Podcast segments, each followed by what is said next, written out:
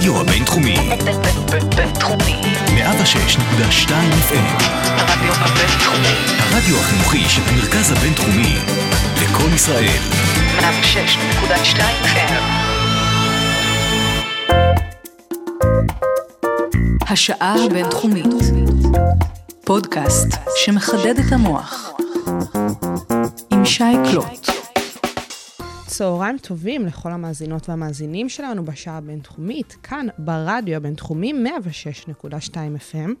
אני שי קלוט, וממש כמו בכל יום שני בצהריים, מצטרפת אליי אחת החוקרות כאן במרכז הבינתחומי.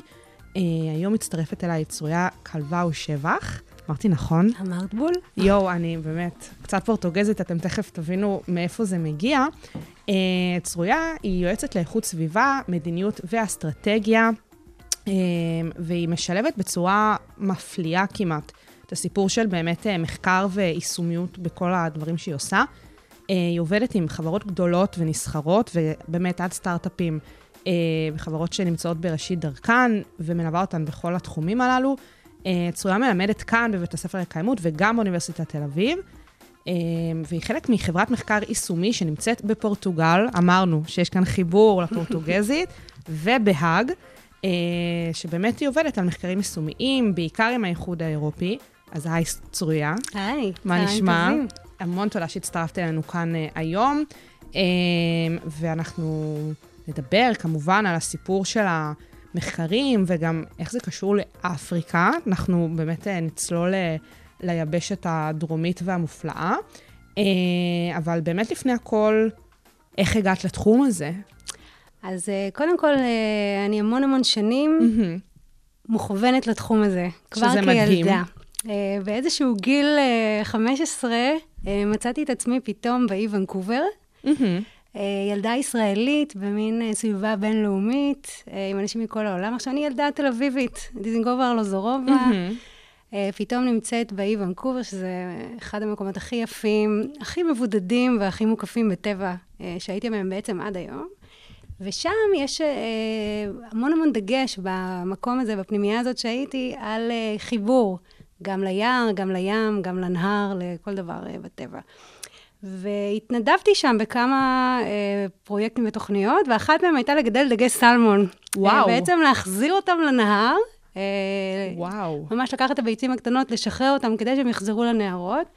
ופתאום, אני חושבת ששם היה איזשהו אסימון של מה זה קיימות, מה היכולת להשפיע. אז לוקחים ילדה קטנה, ומחדירים אותה בה את באמצע הרעיון יער. הזה בלי, בלי באמת כוונה. בדיוק, נותנים לה לגדל אה, ביצי דגי סלמון, לשחרר אותם, ואגב, הם חזרו לנהר שניסינו אה, לשקם. וואו. ואני חושבת, עשיתי עוד דברים, עבדתי קצת במשרד החוץ, עשיתי עוד דברים לפני זה, אבל זה היה ברור שהזרע, אה, מה שנקרא, אה, התחיל שם. אוי, איזה מהמם. ומה שהיה יותר התנדבותי, הפך בסוף אה, גם התואר הראשון בביולוגיה, גם בכל מיני מסגרות שהייתי בהן, בסוף היה לכיוון הזה. אחרי זה התחיל מסלול יותר פורמלי. גם התואר השני שלי זה בניהול משאבי טבע, הדוקטורט שאני מסיימת עכשיו, הוא גם בניהול סביבתי. בשעה טובה. כן, טפו טפו. אבל באמת התחיל המסלול היותר אה, פורמלי, וגם גם בעשייה וגם במסלול המחקרי, הלימודים והכול. שזה בעצם אומר שאת uh, הגעת, uh, כמו שאת אומרת, מהסיפור היותר ביולוגי, זאת אומרת, מחקר, מעבדות, דברים כאלה, ולאט לאט התגלגלת לעניין של הניהול והסיפור של ארגונים ועמותות, נכון? אני חושבת, יש אה, אה, לפעמים מסלולי חיים שהם אה, גם מוכתבים אה, של הזדמנויות היסטוריות או דברים שקורים אה, מסביב. אני בעצם הגעתי לישראל אחרי התואר השני, מג'ונס הופקינס בארצות הברית. הגעתי לישראל אה, בדיוק כשישראל נכנסה ל-OECD. ועשיתי אה, מעין אה, אה, תוכנית אה, שנקראת אה, מילקן אה, במשרד להגנת הסביבה. הייתי עמיתה ראשונה של התוכנית הזאת שם, וישראל בדיוק נכנסה ל-OECD. ואני באתי עם אג'נדה מאוד ברורה שאני רוצה להיות חלק מהדבר הזה. עכשיו, אה, כשנכנסים ל-OECD בעצם אומרים איזשהו שדרוג מאוד מתודולוגי, מאוד מקיף, של כל ההסתכלות על ביצועים אה, של מדינה בתחום הכלכלי, בתחום החקלאי, בתחום התחבורה וגם בתחום הסביבה. אז uh, מה שקרה, הדברים התכנסו לכך ממש. שמצאתי את עצמי שם. יכול להיות, הייתי מעורבת בכמה פרויקטים של מגוון ביולוגי, יותר דברים של conservation וכדומה, אבל uh, בעצם ההזדמנות הזאת הכניסה אותי ישר לעשייה יותר של מדיניות. אה, אז שמה בעצם התחילה אה, עבודה על מדיניות שאני עובדת, מה שנקרא, אני מלווה את משרדי הממשלה בהמון המון תחומים. עכשיו אני בדיוק כותבת את הדיווח לממשלה על ההתקדמות עם ה-SDGs. הייתי, אה, ערכתי את הדוח שלנו לאו"ם, זאת אומרת, אני ממשיכה עם המסלול הזה. ודרך זה גם התחילה עבודה הרבה בממשק עם תעשייה. אז הגעתי דווקא ממדיניות לתעשייה. לתעשייה. בתעשייה יש חברות שנורא רצו לדעת על המדיניות שהולכת להתרחש בעתיד הקרוב, איך הם נערכים, איך הם מתאימים את עצמם. ומשם זה הגיע לעבודה עם uh, תעשייה ממש פרופר, איך לבנות פורטפוליו של מוצרים יותר סביבתיים, איך לגבש קריטריונים לרכש יותר סביבתי, איך לשפר את הביצועים בכלל כחברה. אז המסלול היה, מה שנקרא, מוטה בהתפתחויות שהיו פה בארץ. אני מניחה שבמסלול אחר אולי הוא היה יותר קונסרוויישן, באמת יותר העניין הביולוגי של שימור טבע וכדומה. שם באמת התחלתי שם במקור. שם התחלת. כן. Uh, ותמיד יש לך נגיעות עם התחום הזה בלי קשר, וזה באמת uh, מדהים בעיניי, היכולת הזאת uh, דרך המחקר להתגלגל בכל מיני תחומים, ובסופו של דבר לחבר הכל לכדי הקריירה. וזה בעיניי מרתק. Uh, ואמרנו פורטוגל, אז איך זה קשור הכל? אז קודם כל, אני גם חצי פורטוגזית, ההורים שלי uh, שם עכשיו. אמ, תראו, ישראל, תראי, ישראל היא בעצם אה, שותפה בהמון אה, קרנות מחקר או תוכניות מחקר אה, של האיחוד האירופי, ולא בכולן. Mm-hmm. יש לי שותף ישראלי, אבל שמתגורר בהאג, שהחלטנו להקים ביחד חברה, ובאמת הייתה שאלה איפה לבסס אותה. ובפורטוגל יש לנו קשר גם מאוד חזק עם הקהילה של חקלאים ושל practitioners והכול בתחום של Sustainable Food Systems, שזאת ההתמחות שלנו שם. אה, אז החלטנו להקים אותה אה, בליסבון, וזה הלינק הפורטוגזי-הולנדי אה, שיש כאן. מדהים. כן. ובאמת עבודה מול האיחוד האירופי. אז מה שקורה זה שבקרנות מחקר וכדומה, מי שיכול להיות שותף אליהם באמת זה מדינות מאירופה, פלוס מדינות השכונה בתוכניות מסוימות. Mm-hmm. אנחנו עובדים בעיקר עם התוכניות של הורייזן, של ארנט, חקלאות, קיימות. מה זה הורייזון? הורייזון זה בעצם תוכנית המחקר האירופאית. Mm-hmm. הם בעצם קובעים את אג'נדת המחקר, והמון כספים אה, אירופאים שהולכים למחקר עוברים דרך התוכנית הזאת. אה, אנחנו היינו שותפים בכמה פרויקטים של הורייזון, בדרך כלל פרויקטים של כמה שנים, בין שלוש לחמש שנים, ויש לכם, מתאגדת לקבוצה של חוקרים מרחבי אירופה, כולל לפעמים גם ישראל במדינות שכנות, אה, אני אספר לך על הפרויקט שלנו, תכף תביני כמה הוא ייחודי גם פה, אבל uh, בעצם מתכנסת קבוצה, עושה קונסורציום כזה, uh, שכל אחד מביא את היכולות שלו, והם מגישים בקשה לאיחוד האירופי, לתוכנית הזאת של הורייזן, יש גם תוכניות אחרות. אה, ובתוך זה בעצם אה, מנסים להביא את חזית הידע אה, קדימה באמצעות שילוב של חוקרים ממקומות שונים. זה מייצר ממש נטוורק. אנחנו, לדוגמה, בנושא של Sustainable Food System, אנחנו נטוורק של אנשים, אנחנו מגישים לאותן הצעות, אנחנו בונים יכולות שונות, כל אחד יש לו כבר את התפקיד שלו בתוך הנטוורק הזה, mm-hmm. שהוא ידוע בשבילו. וזהו, ויש לנו המון עבודה גם עם ישראלים. עשינו פרויקט אחד עם המו"פ בערבה. אוקיי. Okay. יחד מימון משותף עם משרד החקלאות גם תוכנית אה, אירופאית, מחקר אירופאית. זאת אומרת, אנחנו מאוד מנסים לשלב uh, את החיבור הזה גם עם, של עם ישראל הארץ. של ישראל והנושא בדיוק. של המזון. בדיוק. עכשיו, ישראל היא מאוד ידועה בתחום של חדשנות. נכון. Uh, גם במיוחד במערכות מזון, אז יש הרבה פעמים הזדמנויות. אפילו בפרויקט הנוכחי שאנחנו עושים, אנחנו תמיד חושבים על הזווית הזאת, בגלל שיש לנו access באמת פה לדברים מאוד מעניינים שעושים. ויש לישראלים המון ניסיון אפריקאי בתחום של מזון. אם הם היו אה, בחלק מהתוכנית של משאב, עכשיו יש למשרד אה, החקלאות, יש תוכנית חדשה לתמיכה אה, בעולם המתפתח, אבל יש להם הרבה ניסיון אפריקאי, הרבה מהחוקרים ומהאנשים שאנחנו מכירים פה בארץ בעצם עשו איזשהן הדרכות, יש הרבה סטודנטים שבאים אה, מאפריקה לכאן, אז יש פה חיבור מאוד מוצלח. אז המשולש הזה של אירופה, אפריקה, ישראל, מבחינתך זה שילוב מנצח שרק אפשר ללכת איתו קדימה, גם עם המחקר וגם עם היישומיות. נכון, ואני גם מאמינה שזה קשרים ארוכי טווח. זאת אומרת, אה, אף פרויקט כזה הוא לא להגיע, לעשות סדנה. לסיים להגיע, וללכת. ממש לא. זה קשרים שנבנים לאורך זמן. אז אה, כן, בהחלט. ואנחנו, אה, עם המחקרים שעושים בארץ למול אפריקה, יש גם המון רצון לעודד את זה בארץ, mm-hmm. גם ברמה של מדיניות. אז חלק ממדיניות הפיתוח של ישראל היא באמת, היא מוכוונת אפריקה, אפריקה זה פריוריטי אריה, יש כמה מדינות ספציפיות, אתיופיה היא אחת מהן, שבהן אה, מנסים לקדם, קניה וכדומה. אז זה גם מה שנקרא סינכרון של כל האינטרסים של ממש. כל הגורמים, באמת לייצר פה ערך מועיל אה, במקום. ובאמת את מספרת על המחקר שאתם עושים אה, עכשיו אה, באפריקה, בהקשר של אה, מערכות מזון, אה, מערכות מזון בנות קיימא. אה, אז מה זה המחקר הספציפי שאנחנו נדבר עליו היום? אז ככה, קודם כל, אנחנו אה, זכינו להתחיל מחקר בקורונה. שזה אה, בפני עצמו אני- קושי אדיר. אם באופן כללי להתחיל מחקר, תמיד יש את החבלי לידה, ותמיד יש קשיים, אם זה בעניין של מימון, או לחפש כוח אדם, אז עם הקורונה זה הופך להיות ש... קשה שבעתיים. זה, אין לתאר כמה זה שונה אה, להתחיל מחקר בתקופת הקורונה. בטח מחקר, אני אספר על המחקר שלנו, מחקר שהוא יישומי עם עשר מעבדות בשטח, וואו. איסוף נתונים אינטנסיבי, מצריך שיתוף פעולה אה, בשטח, ממש עם נוחות פיזית. המחקר הזה הוא מאוד מאוד ייחודי. אה, במה שנקרא, בספקטרום של המחקרים אה, האירופיים, מדובר על מחקר עם אה, 17 שותפים. זאת אומרת, אה, ש... 17 חברות. זה אה, ככה, האיחוד האירופי עכשיו הולך על אה, כיוון של מולטי-אקטור אפרוץ'. הם בעצם רוצים שותפים מכל מיני סוגים.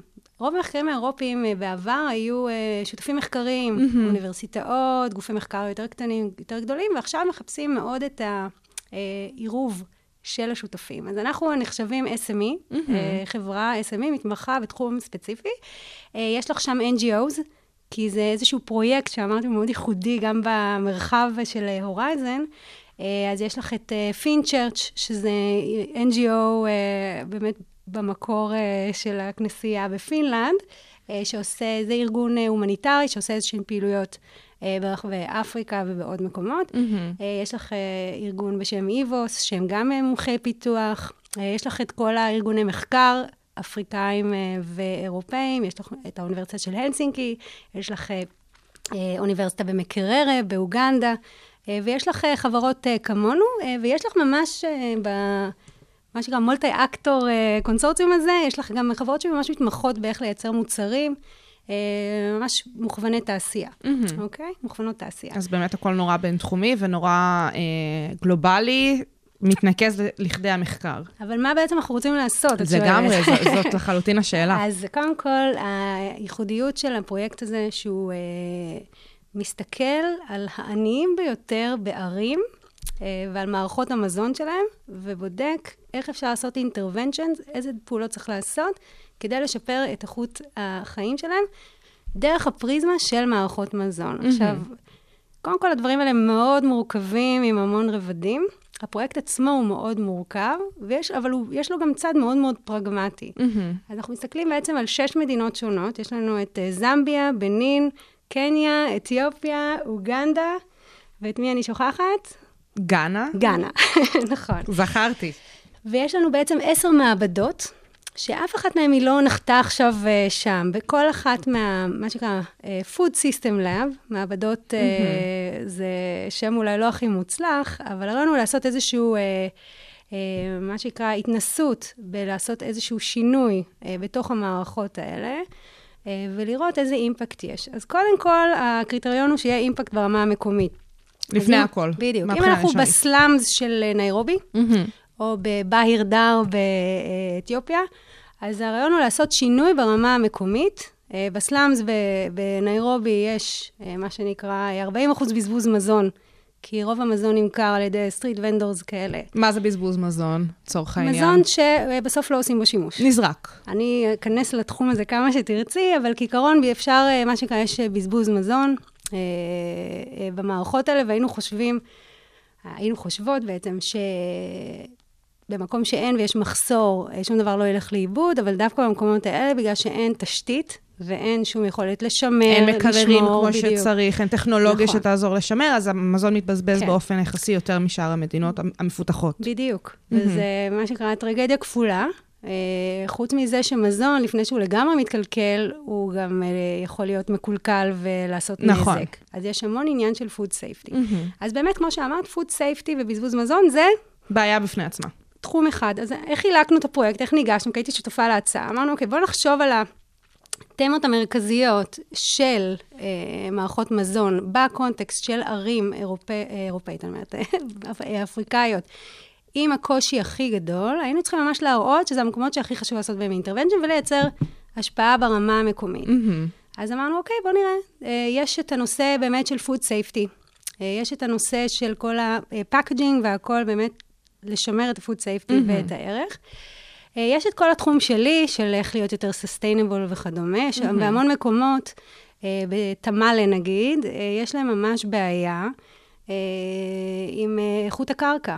זאת אומרת, בסוף, כמו כל דבר, אם מה שנותן לנו בעצם, מייצר לנו את המזון, אנחנו לא מקפידים על פרקטיקות אה, חקלאיות מסוימות, אה, פרקטיקות סביבתיות מסוימות ברמה אזורית. אז לא נוכל לגדל את המזון. בדיוק, זה מאוד מאוד straight forward, זה עניין של ניהול משאבי טבע. Mm-hmm. מאוד ישיר, זה עניין של פרקטיקות חקלאיות, זה עניין של כימיקלים, זה עניין של תהליכים וכדומה. אז זה תחום נוסף. חוץ מזה, יש שם בעיה בנושא של ה-governance, זאת אומרת, חלוקת הערך. אה, יש לך המון farm, מה זה? אלה החקלאים הקטנים שמייצרים משהו קטן בגינה הקטנה שלהם.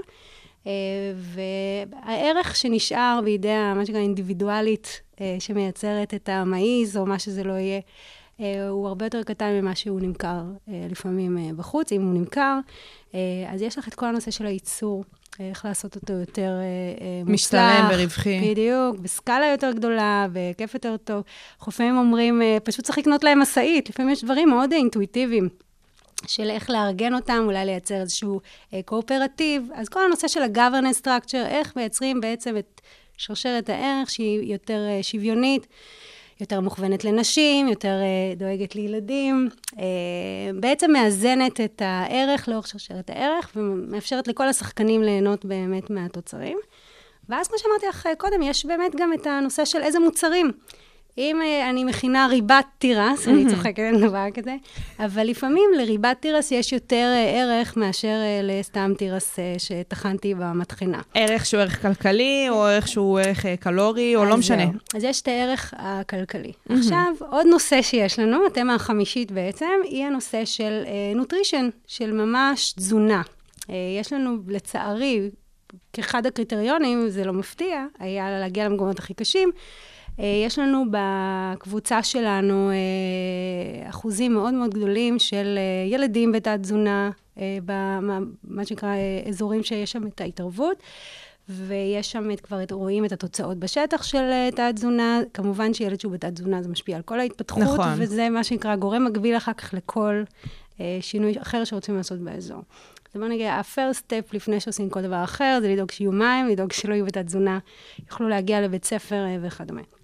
ואז פה יש המון המון אה, שאלות על איך בעצם עושים, לפעמים זה לא עניין של כמות, זה עניין של diversity בתוך הצלחת, זה עניין של אה, באמת, כמו שאמרת, מה מרכיב את הצלחת הזאת. אה, יש גם עניינים של שרשרת ערך שבעצם משפיעים על מה יש בצלחת. יהיה לך אזור שכולם בעצם אה, באיזושהי תת-תזונה, או אה, מה שנקרא עם תזונה לא מגוונת מספיק, שמביאה לחסרים מאוד מאוד משמעותיים עם פגיעות בהתפתחות וכדומה, שמייצאים לדוגמה דגים. הבנתי. אז במקום לשמור את זה, ומייבאים דגים מסין. זה כאילו כשמתחילים לבנות את כל המערכת, רואים את כל הסתירות האלה. מלא אבסורדים. אז מלא אבסורדים. העולם לא מסתדר לנו בדרך כלל, הרי אה, כמו שאנחנו רוצים. כמו שהגיוני שהוא יסתדר. זה גם היגיון וספציפית בראייה אה, של הקיימות, זה גם באמת אה, לא כל כך ירוק לעשות דבר כזה, אם אפשר לשמר על אה, משק מקומי. אז קודם כל, את נוגעת בנושא שהוא מאוד מאוד חשוב בשרשרות מזון, זה בעצם איך עושים שרשרת מזון קצרה. כן. ואת צודקת, יש משמעות לייצור מקומי, כל הנושא של שינוע, בטח אם, אם מייצאים לאירופה ומייבאים דגים קפואים מסין, כמובן שכל מסלול של אה, כל אה, חלבון כזה. וערך התזונתי יורד, וכל זה. עכשיו, זה גם במערב יש לנו המון מערכות שיש להן, מה שנקרא, הסנכרון שלהן הוא לא מוצלח, אוקיי? כי יש קודם כל דברים שהם לגאסי, דברים שהמשיכו להתפתח, גדלו, אה, קטנו.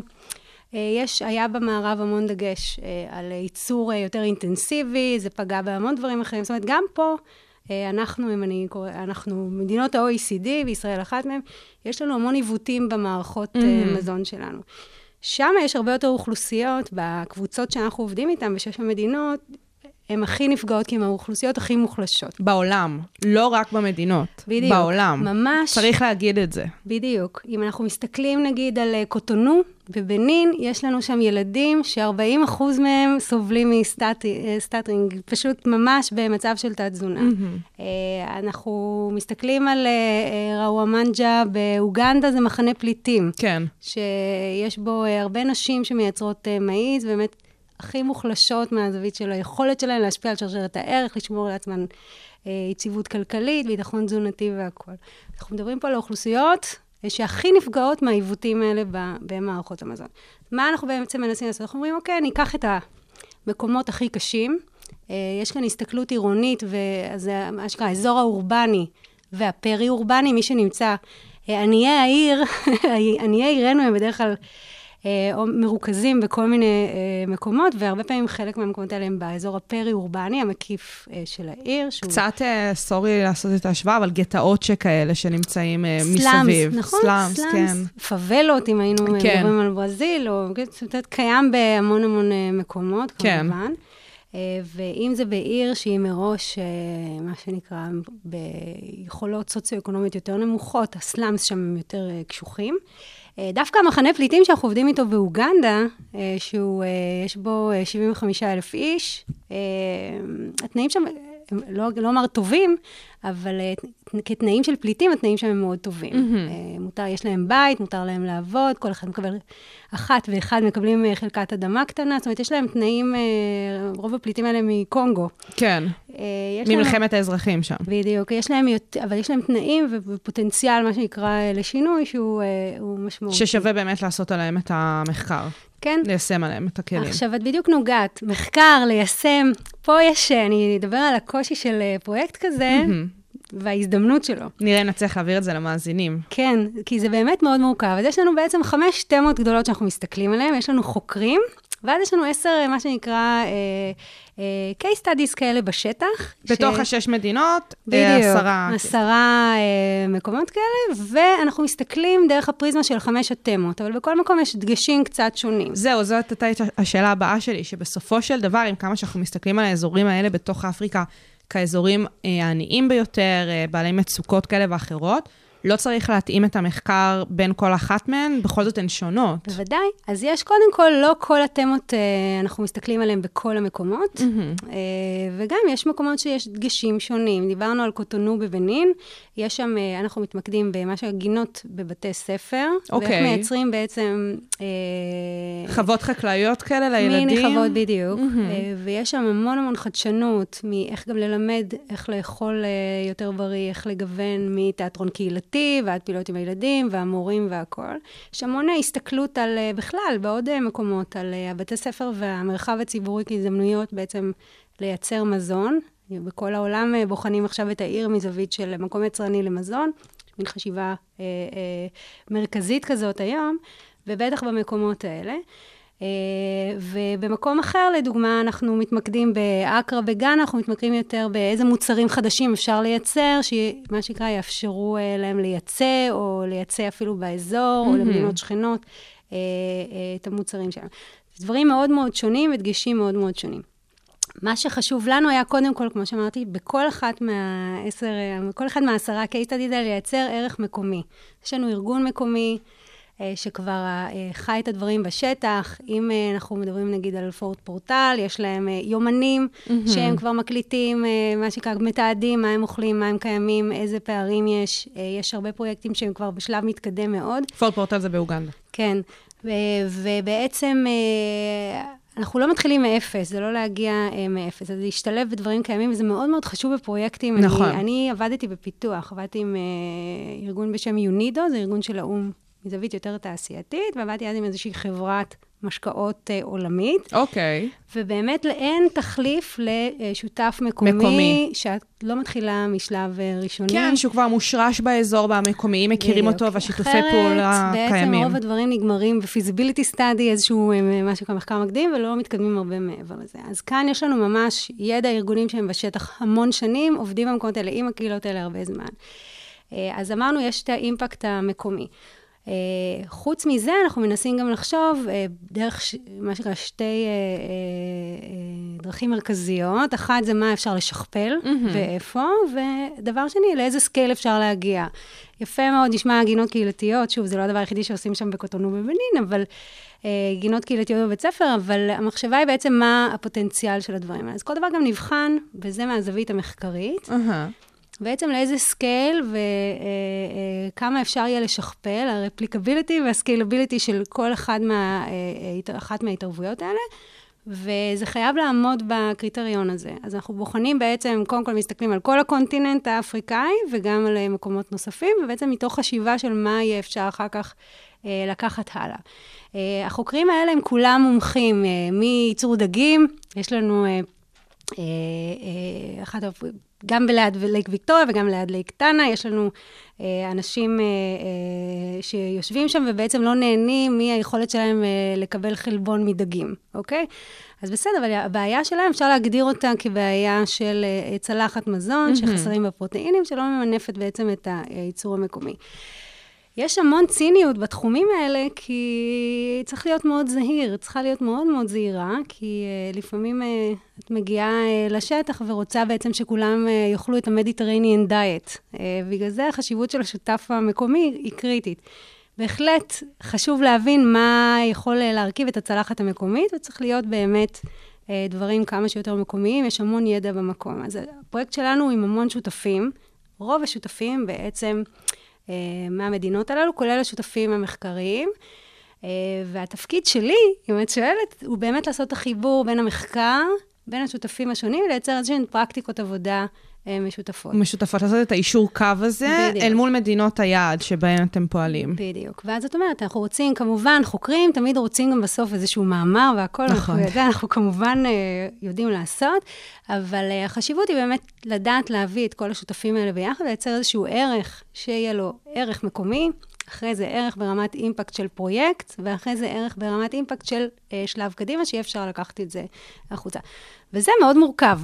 זה נשמע הכי מורכב. כן. אני חושבת שהמאזינים שלנו צריכים פה בנקודה הזאת רגע לתפוס את עצמם ברמה של לתפוס את הראש, ולהבין כמה קשה העבודה שלך. זה קשה אבל מרתק, כי אין, ברור. אין מדריך. לא, לא, אני אומרת, אין ברור. מדריך שמסביר, הנה, היה לנו אה, שבוע שעבר דיון, אנחנו בעצם, אה, בשביל להיות מסוגלים לעשות שינוי במערכת מזון, שהיא דבר שהוא מורכב מראש, אנחנו בונים בכל אחת מה... אה, בכל אחת מה... בכל אחד מה-case studies, בונים איזשהו multi-stakeholder platform, לוקחים את כל השותפים, אה, ובעצם מהאזור למערכת מזון הזאת, זה יכול להיות שפים מקומיים, זה יכול להיות מורה בבית ספר, זה יכול להיות נציגי ממשל, ואלה שאנחנו יודעים שהם בדרך כלל יושבים בקבוצות בעלי עניין כאלה. והקבוצות בעלי עניין שלנו מאוד שונות מפרויקטים אחרים. בדרך כלל בפרויקטים אחרים של פיתוח, הם קבוצות בעלי עניין, הם יותר היי-לבל, יותר פקידי ממשל, כן, מנכ"לים של חברות. ופה אנחנו ממש בונים אה, מה שנקרא קבוצת בעלי עניין שמלווה את הפרויקט מההתחלה שלו ומעורבת בהחלטות. זה מאוד קשה. אז אה, בדיוק היה לנו במחנה הפליטים הזה ברומנג'ה באוגנדה.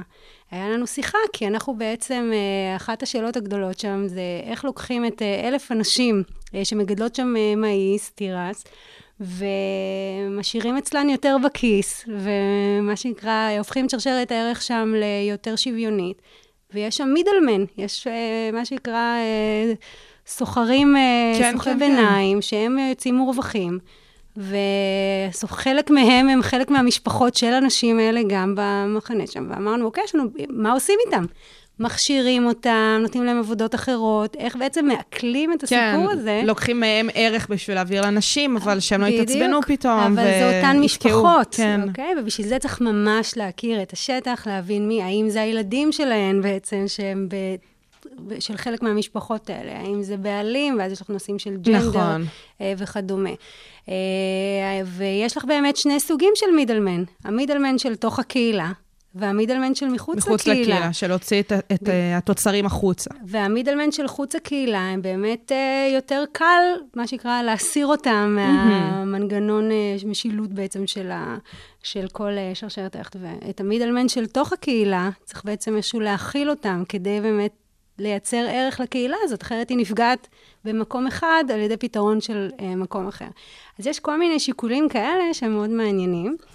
אה, ולנו, אנחנו עובדים גם אה, ברמה הזאת של אה, לסייע, להדריך, ללוות, לבנות כלים, אה, איזה מדדים שמים והכל אה, במחקר שהוא גם יישומי וגם אה, אה, עם דגש מחקרי. אבל גם בתוך הפרויקט יש לנו חוקרים שהם יותר אה, traditional אה, researchers כאלה. ויש לנו ממש אנשים אה, ש... שעובדים תעשייה, והם בעצם רוצים לפתח מוצר. אה, להפוך משהו לקופסת שימורים. אה, הם לא מתעניינים בכל האיכות הדאטה של כן, מחקר, בדיוק בנתונים, ומה ואיך זה. מהימן פתאום. וכל האנשים האלה צריכים לעבוד ביחד, אז זה מאוד מעניין. וכאן בא העניין של הקורונה. מהמם. זה קשוח. התחלנו עם הקורונה, נכון. כן, זה קשוח. גם קשה לצאת לשטח בקורונה. גם... אה, יצא לך להיות ב- במקומות האלה מאז אז שהתחילה אה, הקורונה? עכשיו אני אמורה לנסוע. הייתי אמורה כבר להיות אה. המון פעמים. אי אפשר, אנחנו לא נוסעים. זה ברמה של אי אפשר. אי אפשר. עכשיו, כמובן, גם לחוות את כל הפרויקט שלנו התחיל בדיוק בתחילת הקורונה, ביוני. וזה עכשיו גם, אנחנו נוסעים, אה, שוב, אני מקווה לנסוע בנובמבר, אני אמורה להיות גם במערב וגם במזרח אה, של אפריקה. וגם, זה יהיה במסגרת אה, פעילויות מקומיות, כי אנחנו כקונסורציום היינו אמורים להיפגש כולנו בקניה בסוף אה, נובמבר, אהה. ואנחנו לא נעשה את זה, זה לא אפשרי. אבל זה נותן גם פרספקטיבה על אה, how lucky we are כאן בארץ. אה, ברור. וכמה מעט אה, באמת הזדמנויות יש שם, הם עדיין בשלב החיסון הראשון בחלק מהמקומות, חלק בכלל אין. זו אה, סוגיה בפני עצמה, עניין החיסונים וה- ומדינות העולם השלישיות. אבל אני יכולה בוודאי. להגיד שלנו זה מאוד uh, משפיע. יש שאלות uh, אתיות חדשות, האם אנחנו נפגשים פה באירופה, uh, כל מי שיכול? כמובן שלא. אין... זה יש- לא עובד ככה, צריך זה להיות לא עובד בשטח. ככה, בדיוק. אז זה מדגיש באמת את השאלות הפרקטיות של, שלנו בתנועה במרחב. Uh, מצד שני, הצלחנו לעשות המון דברים. Uh, אני חושבת שייצרנו מערכות יחסים פה שהן כל כך uh, בלתי פורמליות וישירות, בגלל שאנחנו פשוט כל הזמן ביחד. ב- בתקשורת בתקשורת. בלתי אמצעית שכזו. כל הזמן. ואנחנו גם בוואטסאפ, ואנחנו גם בזום. בוודאי, בוודאי. מסתבר שהזום, אה, אסור להשתמש בו בפינלנד, לדוגמה. אה, באמת? כי הוא לא מספיק בטוח, אז אנחנו גם בטימס, ואנחנו גם בכל וואו, השאר, כן. וואו. אז איכשהו אנחנו כל הזמן בכל הערוצים, אבל זה מאוד קשה. זה מאוד קשה לייצר, אה, העולם קצת אה, נסגר, וזו הרגשה שפעם ראשונה יש לי באיזשהו פרויקט כזה, פשוט כי באמת אי אפשר להגיע לשטח. לא, זה מטורף. אי אפשר, השיתופי פעולה הם, ב, הם בעצם אה, מצריכים המון המון נחישות. יש לכם נגיד מצב שחלק מהמשתתפים במחקר כן מגיעים לשטח וחלק לא? אז יש לנו, בכל מדינה הצלחנו כבר uh, עכשיו לבנות איזשהו, את, את כל ה data collection plan, הכל התקדם, מהמם. יותר לאט ממה שרצינו, אבל כן, בהחלט, יש, הפעילות בשטח uh, ממשיכה. ממשיכה. כל פעם, כמו שגם בארץ, דברים משתבשים. אז יש המון התעסקות עם uh, דברים שמשתבשים. מצד שני, בגלל שזה פרויקט שהוא כל כך uh, נוגע ב- בלב של עשייה אמיתית, של ארגונים שהם בשטח וכדומה, אז אנחנו רואים הרבה יותר נחישות. אני חושבת שאם זה היה פרויקט שהיינו מתחילים משהו חדש, באיזשהו מקום, אני לא יודעת איפה היינו. וההיערכות של האיחוד האירופי לזה הייתה גם מאוד מבולבלת בהתחלה. אה, מתי הפרויקט התחיל ומתי הקורונה נכנסה? הקורונה בארץ, אנחנו התחלנו להרגיש אותה בערך במרץ. נכון, מרץ 2020. והפרויקט הזה, אז אנחנו היינו די דומים לשאר אירופה, והפרויקט היה אמור להתחיל באפריל. הבנתי. ובין אפריל ליוני, אה, לא ידענו אם יתחיל או לא.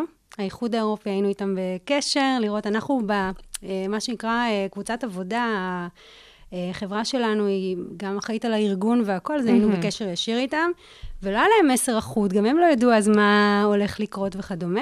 אז עשינו re-evaluation, עשינו אה, תכנון אחר קצת ללו"ז שלנו, והחלטנו שיכולנו לדחות עוד, והחלטנו שיוצאים לדרך ביוני. זו הייתה החלטה אמיצה ומצוינת בדיעבד, כי יש המון דברים בהתחלה של היערכות וכדומה שעשינו, ואנחנו כן יוצאים לשטח, אנחנו פשוט אה, יוצאים לשטח עם קשיים. עם קשיים, בהיערכות קצת שונה, אבל עדיין עם יוצאים. לשטח. ופה גם בא משהו ישראלי נורא בגישה, אה, ואנחנו עובדים עם שותף פיני מדהים, אה, שזה הארגון אה, הסביבה של אה, פינלנד. אה, הממשלתי. אה, זה, יש להם ארגון מחקר עצום, אה, קוראים להם לוקה, ושם יש להם באמת אה, capacity, באמת לנהל את זה בצורה מאוד מאוד טובה. יש להם המון אנשים והמון אה, ניסיון, ובמקרה החוקרת שמובילה את זה, יש לה המון, לא במקרה כמובן, אבל יש לה המון ניסיון באפריקה, הייתה במקומות האלה, זה קשרים מעולה. מדברים אחרים. אז מינפנו את כל היצירתיות. כל מה שהיה אפשר בשביל באמת לגרום לזה לקרות. בדיוק. היא אפילו הייתה בארץ, זאת אומרת, יש לנו פה משהו אה, יותר חזק, אני חושבת, גם בגלל סוג האנשים שמעורבים. מעולה. עכשיו, מחקר באפריקה, תמיד זה מרגיש שיש בזה משהו קצת ציני. מהבחינה הזאת שהם מגיעים, בטח איחוד אירופי, מדינות אה, עולם אה, סופר ראשון, פינלנד, כן, אה, אה, מדינות סקנדינביות שכאלה, אה, לתוך אה, המדינות המתפתחות, וקצת מרגיש שעושים עליהן איזשהו, איזשהו רווח, גם אם זה רווח מחקרי, כמו שאת אומרת, בסופו של דבר להוציא מאמר. אה, איך את מסתכלת על זה מהזווית שלך בתור מישהי שנמצאת שם? אז תראי, זה משהו, קודם כל, את שואלת את השאלה הזאת, שזה מראה לי שאת מאוד מכירה את הרגישויות, וזה מאוד מאוד חשוב. אנחנו היינו מעורבים בהצעה עצמה. באמת השותפים שלנו, גם המחקריים, הם מזמביה, הם מאתיופיה, הם מאוניברסיטת מקררה באוגנדה. הם מהמדינות. הם משם, וזה משהו שלא תמיד רואים. הפרויקט הזה הוא מאוד ייחודי בממשק שלו, יש פרויקטים כאלה גם עם הודו וכדומה, אבל הוא באמת פרויקט שהדגש שלו שם, וצריך נורא נורא להיזהר, לא להגיע עם איזה שהן הנחות יסוד. בגלל זה גם כשאמרתי קודם, אמרתי, המערכות האלה הן מאוד מורכבות ובעייתיות גם בעולם המערבי. ופה יש בעצם אוכלוסיות שהן יותר, אה, מה שנקרא, חשופות. נכון. אז צריך אה, להיזהר מאוד ולראות אה, מי בעצם השותפים, מי מייעץ למי ואיפה הידע. והידע הוא לא תמיד איפה שאנחנו חושבים שהוא. נכון. אז עכשיו, מי שבונים את ה-governance structure, את המבנה החדש, שרשראות הערך, זה שתי החוקרות המצוינות שעובדות איתנו ממקררה. הם אלה שעושות עכשיו את ה-reshuffling הזה ואת העבודת ייעוץ הזאת אה, לשותפים שלנו אה, ברחבי הפרויקט. אני חושבת שאם אין ownership אה, מקומי כזה, אז נכשל. זה נכשל. לחלוטין. אני מאוד מסכימה עם מה שאת... יש המון פרויקטים שחוטאים, וגם אנחנו חוטאים בחלק מהדברים, מה שקרה בדגשים שאנחנו נותנים. אבל אנחנו באים עם איזושהי גישה אחרת, והפרויקט עצמו במבנה שלו, בהצעה שלו, לקח בדיוק את הנקודה הזאת uh, לתשומת הלב. יש כן ארגונים, מה שנקרא, יותר מהזווית של הפיתוח, mm-hmm. שזה יותר טרדישיונל. Uh, ואז דווקא אפשר, uh, אנחנו, אני חושבת שאנחנו ממנפים את זה בצורה טובה. אני אתן לך דוגמה mm-hmm. לקוטונו, אם הזכרנו אז את הבתי ספר ואת הגינות שלהם. יש, מה שעשה ה-food שזאת התוכנית של האו"ם שאמורה לספק להם אוכל, ואמרנו שיש פה ילדים בתת תזונה, בקוטונו בבנין, הוא עשה להם קנטינות. אה, אוקיי. בסדר, בנה להם קנטינות ב... אוקיי. בבית ספר. אבל מה מוכרים שם? נכון. אם מוכרים רק אוכל מסוג אחד, שהוא בסוף אה, לא מייצר אה, ערך תזונתי אה, אה, מגוון מספיק, אנחנו נשארים אותה בעיה. נכון. עכשיו, אז יש לנו בעצם ארגון NGO שעובד שם, שיודע את הדברים האלה. מי שיבנה את התפריט ואת הכל, זה יהיה המקומיים. Mm-hmm. אבל היינו צריכים גם את הארגון אה, סיוע הנוסף, שעובד עם שאר ארגוני הסיוע, שיבין את הבעיה, יבין מה כבר עשו שם, וידע להלביש על זה עוד איזשהו פתרון. אה, לגבי הציניות, אמרתי לך גם על ה-Mediterranean diet. אני ראיתי לא מעט סיטואציות שבאים ואומרים, אוקיי, בואו נלמד את אה, האנשים בקוטונו בבנין לאכול אה, את ה-Mediterranean diet האיטלקי. אוקיי, זה לא מתאים. הם לא איטלקים. בדיוק, והם לא יושבים שם, ויש להם את התפריט שלהם, את הצלחת שלהם. צריך לבוא מאוד מאוד uh, צנוע, uh, וכל אחד פה לדעת מה הוא יכול uh, לתרום, בלי הרבה הנחות יסוד, ואין תחליף לשותפים מקומיים, uh, שהם באמת הרוב אצלנו בפרויקט. ואיך המקומיים מקבלים את ה, אה, אתכם מהבחינה הזאת של אה, להבין שלפעמים כן שווה להקשיב שנייה לקולות מבחוץ? אז קודם כל אנחנו המקומיים, אה, בפרויקט הזה, המקומיים זה אה, מי שנמצא בעיר המסוימת. יש להם, אה, הם צריכים לקבל בעצם מה שנקרא אינפוטים, גם מחוקרים. אם אנחנו, יש לנו את פורט פורטל, ויש לנו את החוקרות במקררה באוגנדה, אז גם, גם זה, יש פה איזשהו קושי לקבל מהם. נכון. גדולה מגוף מחקרי וכדומה. חוץ מזה שיש גם את הגורמים מבחוץ. מה שאנחנו עושים זה שגם בתוך אפריקה יש לנו רשת, יש לנו גם מדינות במערב אפריקה, גם מדינות במזרח אפריקה, ואנחנו בעצם עושים איזושהי רשת. אז העברת המידע היא לא אה, אה, מערב-דרום, אה, צפון-דרום, כן. אלא ממש בתוך אפריקה יש לנו העברת מידע על פי התמחות, וגם אה, בין הקבוצות השונות אה, יש העברת מידע. אז אנחנו ביזרנו את זה פשוט. אה, ואז יש חוקרים מאוניברסיטת בהיר דאר, mm-hmm. שהם מומחים למשהו ספציפי, והם עושים את זה עבור כל הפרויקט כולו. Mm-hmm. אנחנו פשוט פתרנו את זה בדרך, מה שנקרא, הכי מקצועית. איזה ערך מקצועי את מביאה לשולחן? את מומחית לדגים, מומחית לשרשרות אספקה, מומחית לאריזות מוצרים בנות קיימא. זה בדיוק הכיוון. הולכים מהכיוון של המקצועי, בדיוק, ופחות ניטרלנו. מהסיפור האתני, נקרא לזה ככה. או גיאוגרפי. או גיאוגרפי. ואז אם יש העברת מידע בין uh, קבוצות שונות, uh, גם ברחבי אפריקה וגם באירופה, זה קצת מנטרל את זה, זאת אומרת, יש פה ניטרול. מקום שהיה לנו קושי עם זה, mm-hmm. זה בנושא של מגדר. זהו, כשסיפרת מקודם על אוגנדה, ובאמת על מחנה הפליטים, והאנשים והמידלמנים, אז זה ממש כמו נורת אזהרה כזאת מעל הסיפור הזה.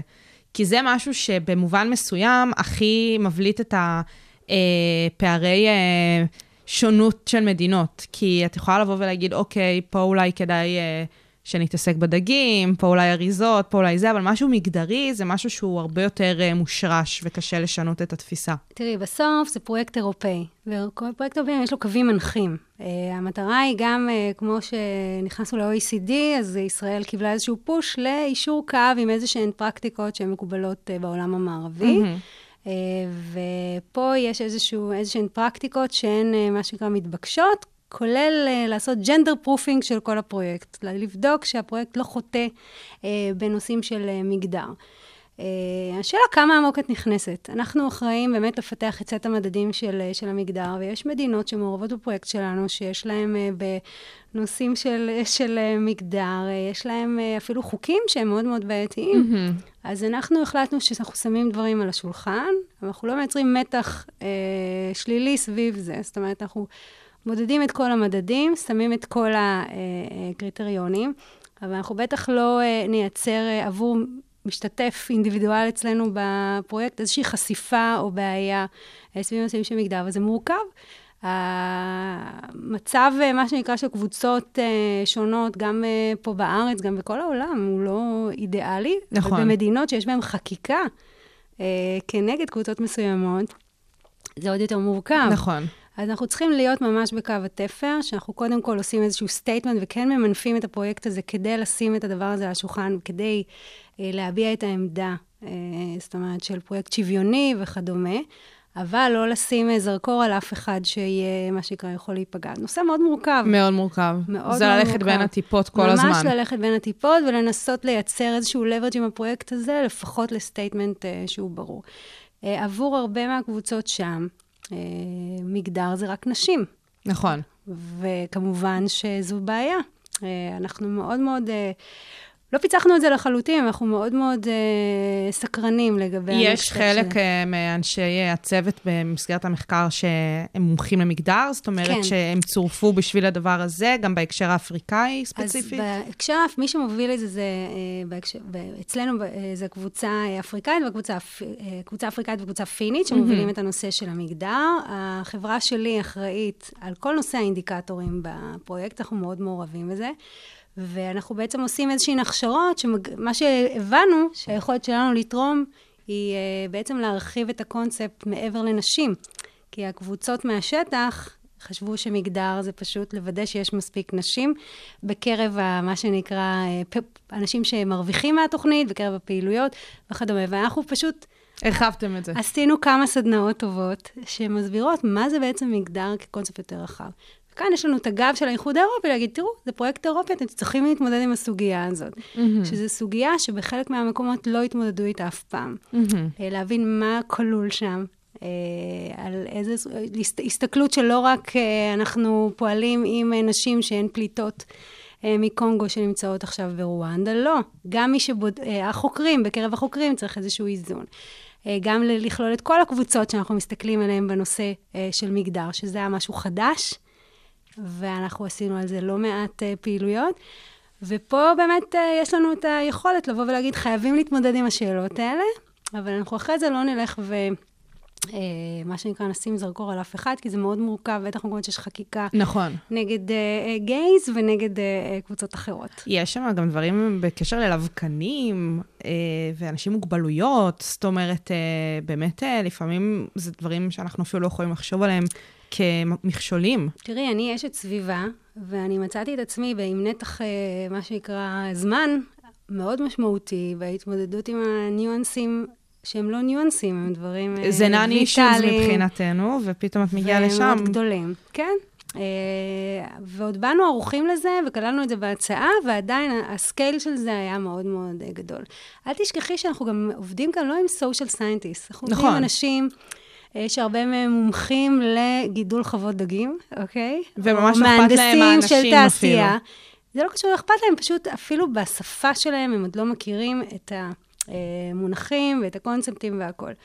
ובדברים האלה צריך לזכור שפשוט צריך לקחת צעד אחורה, להתחיל מההתחלה, ולהיות אופטימי, ולהבין שעצם הפעילויות האלה, בעצם זה שיש דיון על זה, זה משהו שהוא אה, משנה מציאות, והרבה סבלנות, אבל שוב, זה משהו מורכב.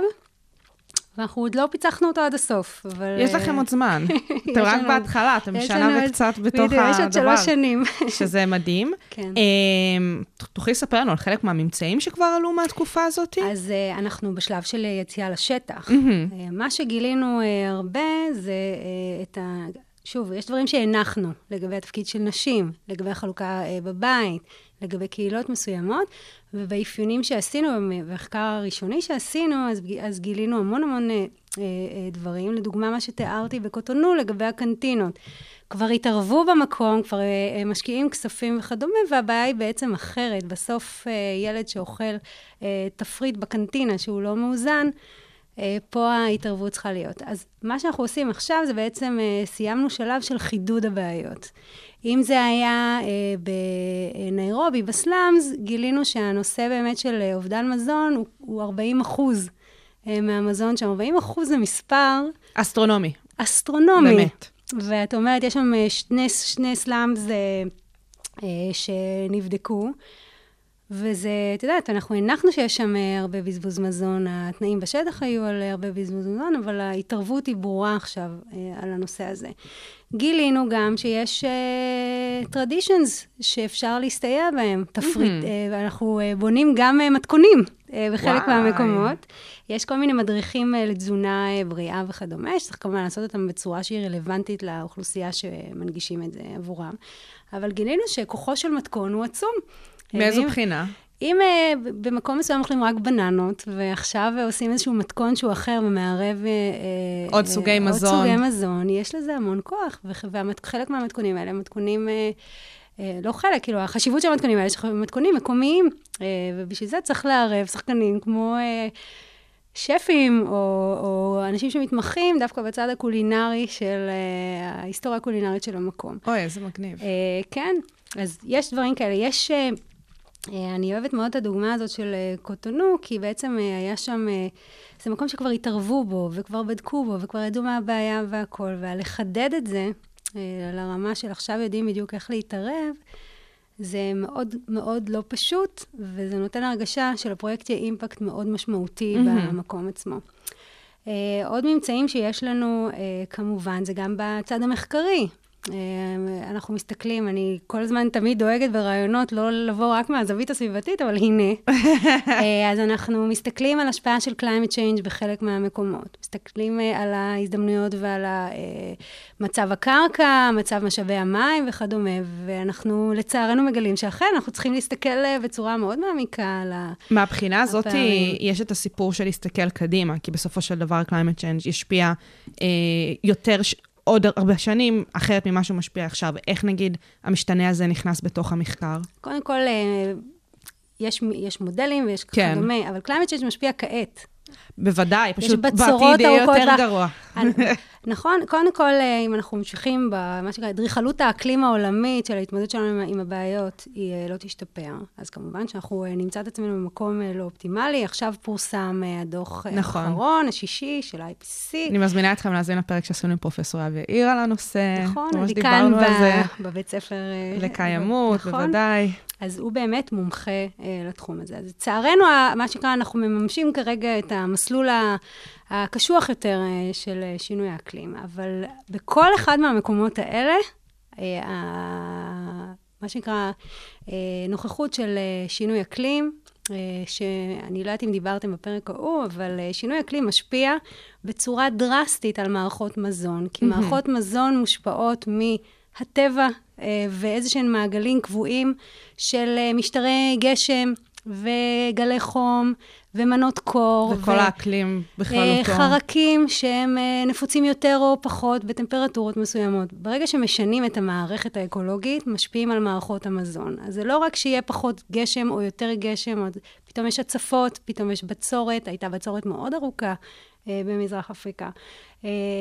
המערכות מזון שלנו מאוד מאוד תלויות וצפויות להיות החבוטות ביותר משינוי אקלים. וכאן, החוקרים שלנו, מה שנקרא, אה, כבר יכולים לבסס את החשיבות של הדברים האלה במערכות האלה. עכשיו, זה מערכות עירוניות, אז הן גם מושפעות, מעבר לשינוי אקלים, מושפעות גם מהתשתיות הלא כל כך מוצלחות ולא כל כך מקיימות שיש בערים. Mm-hmm. אם זה, לדוגמה, בניירובי, בסלאמס, יש לך מערכות לפינוי אה, אה, אה, מי שפכים, אה, יש מערכות לסילוק פסולת, כל הדברים האלה משפיעים על food safety, אז מוסיפים עוד רבדים אה, נוספים. מה שעוד עשינו, שהוא יפה, זה להתחיל לחשוב על מה, ולא פיצחנו את זה עדיין, זאת אומרת, זה חלק מהדברים, מה אפשר לבקש מהאנשים הכי עניים עכשיו uh, לייצר אריזות שהן uh, sustainable mm-hmm. או מתפרקות? וכן, יש המון המון הזדמנויות uh, לשימוש בחומרים מקומיים, לדוגמה לאריזות. אוקיי. וצריך, ודווקא פה אני מאוד uh, נהנית. זאת אומרת, זה רק, זה רק תחילת הדרך, והנושא של האריזות וזה הוא uh, זה קצת arts and crafts כזה. כן, בדיוק, ויש כאן אה, הזדמנויות מאוד מאוד כיפיות, אז בהיבט היצירתי, אה, יש כאן דברים. כי את בעצם אומרת, נמצאים בסלאמס של הסלאמס. כן, זה נשמע קצת זה, הם לא עושים כלום גם מה את ככה. רוצה אני מהם? מצטערת שאני אומרת את זה באופן כזה מופשט.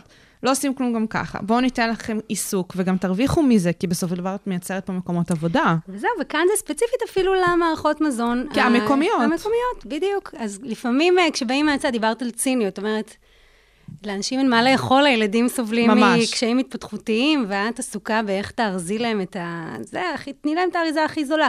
את מגלה לפעמים שיש פתרונות יצירתיים שנותנים מענה לכל הדברים זה גם האלה. נותן ערך ומשמעות לאנשים האלה, מעבר לסיפור של עיסוק ומשכורת שהם מקבלים סביב זה. כן, ואם, ופה באים הדברים של הסתכלות, ופה פה יש שילוב נפלא של מחקר ופרקטיקה. חוקרים יכולים להגיד, אוקיי, אה, אפשר להשתמש באיזשהן פרקטיקות, כרגע זה נותן, מייצר לנו יותר, אבל עוד כמה שנים, דיברת על הטווח הארוך, אה, האדמה לא תהיה פוריה מספיק כדי, מה שנקרא, שנוכל להמשיך אה, ולהתקיים ממנה. אז כאן מגיע בעצם ה trade-off הזה, האיזון הזה שצריך להכיל בין טווח ארוך לטווח קצר. כאן החוקרים יכולים לבוא ולהגיד, אתם לא תוכלו uh, להמשיך לעשות את זה ככה. וכאן מגיע הרציונל באמת של uh, לשנות פרקטיקות ממקום uh, כלכלי לפעמים, לא רק uh, סביבתי, ממקום uh, של uh, חברה, איך לארגן ביחד כדי לחסוך פסולת, לנהל שפכים, לנהל בייצור שהוא מה שנקרא ארוך טווח. אז הדברים האלה, הדינמיקה הזאת היא גם עם הפנים, מה שנקרא, לטווח יותר ארוך, וזה דברים שאנחנו, זה הדברים שאפשר כבר עכשיו להגיד אחרי שנה וקצת. שזה על זה, שאתם כבר אה, יכולים להצביע עליהם, שזה מדהים. ואת מדברת באמת על ההסתכלות לטווח ארוך, ואת גם אה, מסבירה על חלק מהשיקולים האלה. אה, אבל באמת, לאן המחקר הולך? אמרת, יש עוד שלוש שנים. אז עכשיו, קודם כל, בכל אחת מה... אה, כל אחד מה-case studies שלנו, בכל אחד מה-locations האלה, יש אה, מטרות קונקרטיות שלהם. אחד רוצים לייצר עשרה מוצרים חדשים, ואחד רוצים לייצר, אנחנו מסתכלים על עשר שנים קדימה, כפרויקט אימפקט. אנחנו רוצים שהילדים בקנטינות האלה, תהיה להם ארוחה מזינה, אוקיי? שהם יהיו עצמאים מבחינה תזונתית, ויהיה להם איזשהו ביטחון תזונתי. אה, במקום אחר אנחנו רוצים להבטיח שהפרקטיקות הסביבתיות הן יהיו ריג'נרטיב, מאפשרים מה שנקרא אה, אה, ייצור לאורך זמן. במקום אחר אנחנו רוצים לשנות באמת את המבנה של שרשרת הערך. אם אנחנו הסתכלנו על מחנה הפליטים ההוא באוגנדה, באמת לייצר מקורות הכנסה לנשים האלה.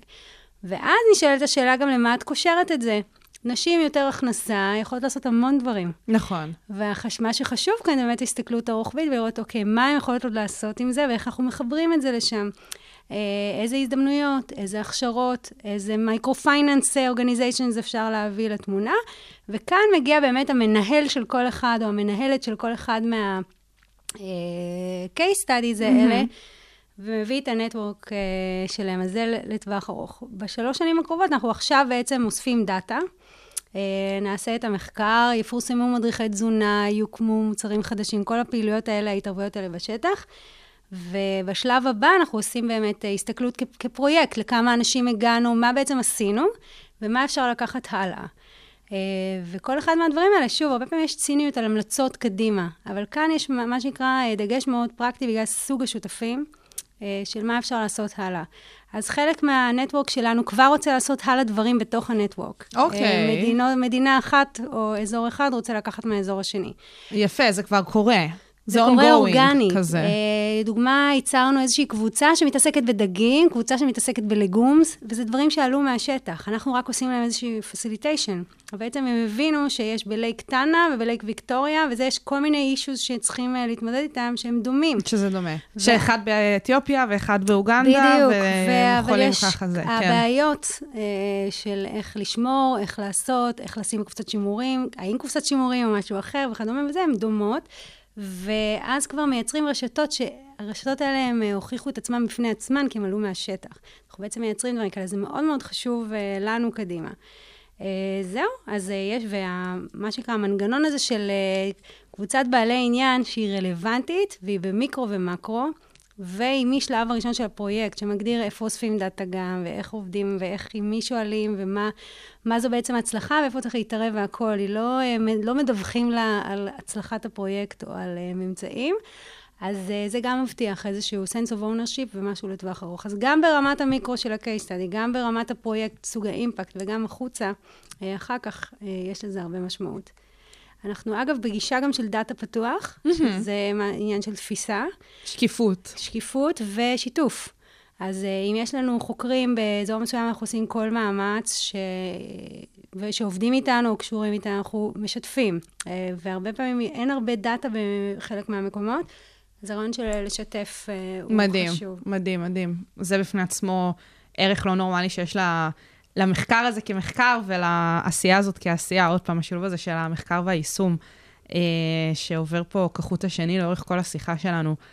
אה, משהו אחרון ככה, לפני שאנחנו מסיימות, שבא לך להוסיף? אני חייבת להגיד, שוב, אני תמיד מתרשמת מהמומחיות ומהיכולות של האנשים אה, שאני פוגשת אה, בכל מיני מקומות, mm-hmm. אבל בפרויקט הזה מאוד בולט. עובדות איתנו שתי נשים, לדוגמה מדהימות, באוניברסיטת מקררה, בה... אה, חלק שלנו, שלי ושל החברה, אה, שעובדת היא השותף הזה שנמצא בהולנד, אה, שתי חוקרות, אליס ורוזמרי, מאוניברסיטת mm-hmm. מקררה, שהן נשים מרשימות והן משנות מציאות אה, שם.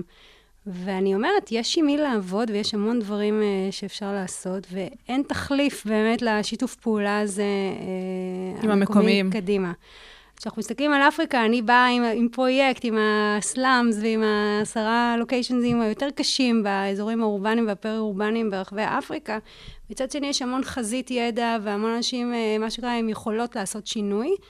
וצריך לשנות את ההסתכלות הזאת, אה, כי יש שם המון מחוללי שינוי ואייג'נט של שינוי אה, בשטח. זה אמנם פרויקט אירופי עם כל הצינות שהזכרת וכל הדברים האלה, אבל אני רואה המון דברים טובים שקורים שם. רמה... אז לנצל את המקומיים, זה רק יתרום. זה, אני חושבת שהם לבד עושים את ה... גם לבד מקדמים את הדברים. זאת אומרת, שאפריקה עוברת שינוי מאוד uh, משמעותי, גם uh, ביכולות, באנשים שנמצאים שם, ובסוגי הדברים שהם עושים. מאוד מרשים. מדהים, מדהים, מדהים, מדהים. עוד פעם, זה לפעמים נשמע קצת ציני, אבל בסופו של דבר זאת המציאות, ואנחנו uh, רק רוצים שיהיה יותר טוב לכולם שם. Uh, טוב, אנחנו הגענו לסיומה של השעה. באמת היה ממש מעניין לשמוע על המחקר ועל היישום אה, של הסיפור של מערכות מזון, שאת אה, ככה מובילה אה, במסגרת המחקר באפריקה. אז המון תודה לך, צרויה, על השעה הזאת. תודה לך, איזה כיף. מעניין גם לדבר. איזה כיף, איזה כיף. ונעקוב, נעקוב אחרי המחקר הזה. נראה מה, מה יצא ככה עוד כמה שנים. וגם לכם ולכן, מאזינות ומאזינים, המון המון תודה שהייתם איתנו כאן בשעה הבינתחומית, בתוכנית היום. את התוכנית הזאת, תוכניות נוספות, אתם יותר מוזמנים ומוזמנות למצוא באתר ובאפליקציה של הרדיו הבינתחומי, ובכל אפליקציות הפודקאסטים הקרובות לביתכם. אני הייתי שי קלוט, שיהיה לכם המשך יום מקסים.